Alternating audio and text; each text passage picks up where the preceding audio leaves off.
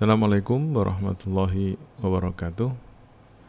Jumpa lagi dengan saya teman-teman dalam podcast Ufonistik. Mungkin di antara teman-teman ada yang bertanya-tanya ya. Ufonistik itu apa? Ya anggap saja ufonistik itu sahabat saya lah. Orang-orang yang uh, berkenan untuk mendengarkan kajian saya. Saya menyebut mereka ufonistik. Nggak tahu dari mana itu, yang jelas ufonistik gitu aja ya. Oke, okay. uh, eh, kali ini saya akan berbicara tentang pekerjaan di kantor. Tapi pekerjaan yang ada kaitannya dengan dakwah ya tentunya beberapa waktu yang lalu saya sudah cerita kalau saya kerja di Rumah Sakit Islam Sultan Hadirin Jepara. Saya di rumah sakit itu jabatannya sebagai ketua komite syariah. Nah, salah satu dari uh, instalasi atau mungkin bagian ya yang saya kelola adalah pemulasaraan jenazah. Wes. Kalau ngomongin jenazah biasanya orang pada takut ya atau pada uh ini pasti cerita horor nih, ada penampakan, bla bla bla dan sebagainya Nah cuman saya pengen cerita aja hari ini karena kondisi kita lagi COVID-19 sedang banyak sekali menangani kasus corona. Jadi saya ingin cerita tentang pemulasaraan jenazah terduga COVID-19. Kenapa dikatakan terduga? Kenapa dikatakan suspek? Ya karena kadang-kadang kita memulasara jenazah itu ada yang sudah jelas statusnya hasil PCR-nya atau hasil swab-nya sudah keluar. Kadang-kadang belum dilakukan swab tapi pasiennya sudah meninggal sehingga dilakukan swab setelah pasien meninggal. Tapi tetap ini prosedur yang harus dilakukan untuk mengetahui status pasien tersebut. Cuman saya perlu garis bawah ini saya cuma perlu menggaris bawahi bahwa sebenarnya hasil laboratorium itu setahu saya ya setahu saya dari beberapa uh, kajian yang saya ikuti dari beberapa webinar yang saya ikuti sebenarnya swab itu tidak begitu menentukan bagi kami para pemulasara jenazah dengan protokol COVID-19 karena gini Ketika WHO menetapkan bahwa COVID-19 adalah pandemi, pandemi itu berarti kan global ya. Maka secara otomatis itulah yang kita gunakan sebagai pijakan untuk melakukan pemulasaraan jenazah dengan protokol COVID-19. Jadi sejatinya meskipun hasilnya nanti akan seperti apa laboratoriumnya selama dari dokter penanggung jawab pasien memerintahkan untuk dilakukan protokol COVID, ya itu sudah cukup bagi kami tanpa harus melihat uh, rapid ataupun PCR-nya. Nah, cuman masyarakat kadang-kadang berpikirnya terbalik dengan kami. Masyarakat itu berpikirnya kan laboratoriumnya belum keluar tuh Pak. Kok bisa diprotokol ya? Nah, dalam konteks ini saya ingin menyampaikan teman-teman Mari kita melihat permasalahan ini dari dua perspektif yang berbeda. Perspektif pertama, teman-teman sebagai netizen ataupun bahkan mungkin sebagai keluarga pasien yang dipulasara dengan protokol COVID. Itu perspektif pertama. Perspektif kedua adalah kami sebagai penyedia layanan ataupun nakes tenaga kerja, tenaga kesehatan. Ya kalau perspektif netizen pasti berpikirnya kayak gitu tetapi bagi kami, perspektif kami, kita punya langkah preventif. Kita punya langkah pencegahan. Jadi kita melakukan hal tersebut itu dalam rangka agar kita melindungi diri tidak tertular kemungkinan COVID-19, tertular kemungkinan ataupun kemungkinan tertular COVID-19. Sehingga kita melakukan tindakan preventif. Jadi kalau boleh disimpulkan kayak gini bisa nggak Pak? Uh, bahwa yang di protokol COVID itu belum tentu COVID. Bisa jadi bisa jadi seperti itu. Cuman tadi saya sampaikan bahwa yang kita lakukan itu adalah ikhtiar kita untuk memutus rantai penularan. Dan ingat ketika WHO menetapkan ini sebagai pandemi maka protokol itu harus dijalankan. Apa pun hasilnya. Ditambah lagi perintah saran dari dokter penanggung jawab pasien. Jadi teman-teman saya harap bisa memahami bahwa yang kami lakukan itu bukan asal-asalan ya, apalagi ada klaim, ada anggapan bahwa pokoknya sekarang itu kalau mati di rumah sakit semuanya di protokol COVID. Enggak, kita punya prosedur, kita punya tata cara, kita punya protokol step yang diikuti dan kemudian kita lakukan. Oke, okay. uh, eh, itu terkait dengan um, anggap saja isu pertama yang kita angkat. Yang berikutnya, teman-teman sekalian, saya sebagai seorang santri, sebagai uh, praktisi keagamaan mungkin ya bahasanya atau apalah, itu melihat bahwa ada sebuah fenomena menarik yang saya dapatkan ketika melakukan pemulasaraan jenazah terduga ataupun suspek COVID-19 atau bahkan juga terkonfirmasi. Menariknya kayak gini. Di kasus ini dua disiplin keilmuan saya dituntut untuk bekerja bersamaan. Yang pertama adalah disiplin keilmuan agama dan yang kedua adalah disiplin pengalaman tentang pencegahan dan pengendalian infeksi. Nah ini yang mungkin tidak didapatkan oleh teman-teman kita yang mengerti tentang bagaimana cara memulasara jenazah. Kalau dalam buku-buku fikih itu memulasara jenazah ya seperti itu. Tetapi kalau di rumah sakit kita ada klasifikasi, kita ada pengelompokan jenazah. Apakah jenazah meninggal dengan penyakit menular ataupun meninggal dengan tidak ada penyakit menular. Perlakuannya beda. Bedanya di mana? Bedanya adalah di alat pelindung diri.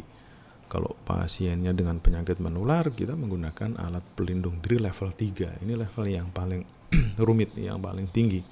Kenapa? Karena tujuannya ya apalagi kalau bukan agar kita tidak terkena infeksi dari jenazah yang sudah meninggal. Nah, beberapa waktu yang lalu saya membaca dan juga melihat ada kecenderungan masyarakat itu menilai bahwa jenazah yang suspek COVID itu tidak diberlakukan sebagaimana seorang Muslim yang di apa namanya dimandikan, disolati dan seterusnya dan seterusnya. Saya pribadi dalam pekerjaan ini menggunakan banyak sekali referensi untuk kita implementasikan di kamar jenazah. Yang pertama tentunya adalah dari Kemenak. Kemenak sudah punya protokol terkait tentang pemulasaraan jenazah eh, COVID-19. Tidak hanya Kemenak, kita juga menggunakan fatwa Majelis Ulama Indonesia terkait dengan pemulasaraan jenazah COVID-19. Ditambah lagi protokol-protokol dan literatur-literatur yang kita baca dari perspektif medis. Jadi kesemuanya ini kita kolaborasikan, kita formulasikan sehingga itulah yang kita terapkan pada jenazah COVID-19. Nah, di kamar jenazah sendiri, eh, saya selalu bilang kepada teman-teman di kantor ini saya dibantu oleh beberapa orang yang tenaga tetapnya ada dua, yang selebihnya adalah sukarelawan ataupun kita kita bisa menyebut mereka apa namanya uh, ya sukarelawan lah ya. Kita punya empat orang sukarelawan laki-laki dan dua orang sukarelawan perempuan. Ditambah tenaga tetap kita dua orang. Jadi totalnya ada delapan. Kita punya delapan orang. Kenapa harus ada perempuan di sini teman-teman sekalian? Karena ketika jenazah yang meninggal adalah seorang perempuan maka yang memulasara adalah perempuan. Ini mungkin yang sering kali saya teriakkan kepada teman-teman di lapangan. Dia perempuan, meskipun sudah meninggal, tetap dia harus dijaga kesucian auratnya. Nggak boleh dilihat sama laki-laki. Jadi nggak bisa uh, orang yang bukan mahramnya terus kemudian memulasara, melihat kemaluannya, melihat auratnya ini mencederai kehormatan jenazah. Anda bayangkan di tempat kami hal-hal detail seperti itu kami perhatikan. Bukan karena apa ya, bukan karena sok lebay atau bagaimanapun juga, tapi ini perintah agama.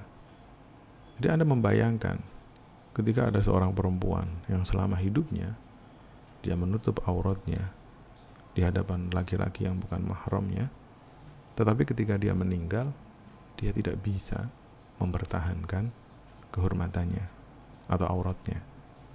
Sangat menyakitkan tentunya. Nah, karenanya kami melakukan hal itu, menjaga kehormatannya bahkan ketika dia sudah meninggal. Nah, untuk jenazah COVID sendiri, eh, cara pemulasaraannya di tempat kami ya, memang kita tidak menggunakan air, tetapi menggunakan atau ditayamumkan. Nah, sebelum ditayamumkan ini jenazahnya dipastikan dulu apakah punya najis atau tidak, karena orang kalau sudah meninggal itu kadang-kadang uh, mengeluarkan kotoran. Nah, kotorannya kita bersihkan dulu. Kalau kita kalau pakai pempes ya kita lepas dulu pempesnya kalau memungkinkan. Kalau tidak memungkinkan ya pempesnya tetap kita pasang dan kalau sudah penuh kita ganti dengan yang baru. Beberapa waktu yang lalu kita dapat atau kami mendapat jenazah pasien perempuan uh, terkonfirmasi COVID-19 beliau meninggal setelah melahirkan anaknya. Jadi melalui proses seksio sesaria atau operasi sesar. Kemudian meninggal. Nah, ini beliau dicek betul oleh tenaga perempuan kami untuk dipastikan tidak membawa najis, baru kemudian ditayamumkan oleh petugas perempuan yang sama. Setelah itu dibantu oleh suaminya untuk dikafani. Kafannya ada tambahan plastik ya tujuannya fungsinya agar tidak terjadi cairannya tidak keluar kalau semuanya ada cairan setelah itu selesai kita sholatkan. Kita sholatkan teman-teman sekalian. Jadi jangan berpikiran bahwa wah jenazah covid itu kasihan. Mereka di kafani asal dibungkus gitu aja terus kemudian tidak disolatkan terus dikuburkan. Nggak, di tempat kami kami punya komitmen yang kuat untuk memperlakukan jenazah mirip sesuai dengan apa yang diajarkan dalam buku fikih-fikih kita tentang tajhizul janaiz. Kita kerjakan semuanya. Cuman memang interaksi keluarga dengan proses itu kita batasi. Bahkan mungkin dilarang ya. Contohnya seperti proses mensucikan jenazah. Mensucikan jenazah memang kita tidak memperkenankan keluarga untuk ikut serta ataupun ambil bagian. Meskipun kadang kita masih memberikan akses kepada mereka untuk melihat dari jauh. Kenapa kita nggak ngasih izin itu bukan berarti kita semena-mena, enggak. Karena keluarga pasien tidak memiliki kompetensi yang sama seperti yang kami miliki. Sehingga kalau mereka ikut membantu, justru kami membawa mereka kepada potensi bahaya yang sangat besar sekali karenanya mereka tidak kita sertakan. Sholat pun demikian sebisa mungkin ketika kami mensolatkan jenazah di ruang jenazah itu keluarga dari jarak yang agak jauh gitu kita persilahkan mereka untuk bermakmum dengan teman-teman yang mensolati jenazah di dalam ruang jenazah. Jadi itu yang kami lakukan terhadap jenazah uh, suspek ya ataupun terduga COVID-19 dan terkonfirmasi COVID-19 karenanya saya harap betul teman-teman dari podcast ini bisa memahami, bisa mendapatkan edukasi bahwa dalam melihat sebuah fenomena alangkah bijaksananya ketika kita menggunakan dua perspektif yang berbeda, perspektif saya dan perspektif mereka yang melakukan profesi ataupun pekerjaan tersebut. Sehingga kita akan punya e, gambaran yang komprehensif dari permasalahan yang akan kita komentari dan kalau ada anggapan bahwa uh, tidak dimandikan, tidak disucikan, kemudian tidak disolati, maka anggapan itu salah. Di tempat kami, mereka tetap kita perlakukan sebagaimana seorang Muslim. Dan insya Allah nanti akan ada beberapa juga isu yang berkembang di luar sana terkait dengan pemulasaraan jenazah yang akan kita bicarakan di podcast ini. So, don't go anyway tetap ikuti podcast ini dan insya Allah akan banyak manfaat yang teman-teman dapatkan dari podcast ini. Sampai ketemu di podcast berikutnya. Semoga bermanfaat. Kurang lebihnya saya mohon maaf. Assalamualaikum warahmatullahi wabarakatuh.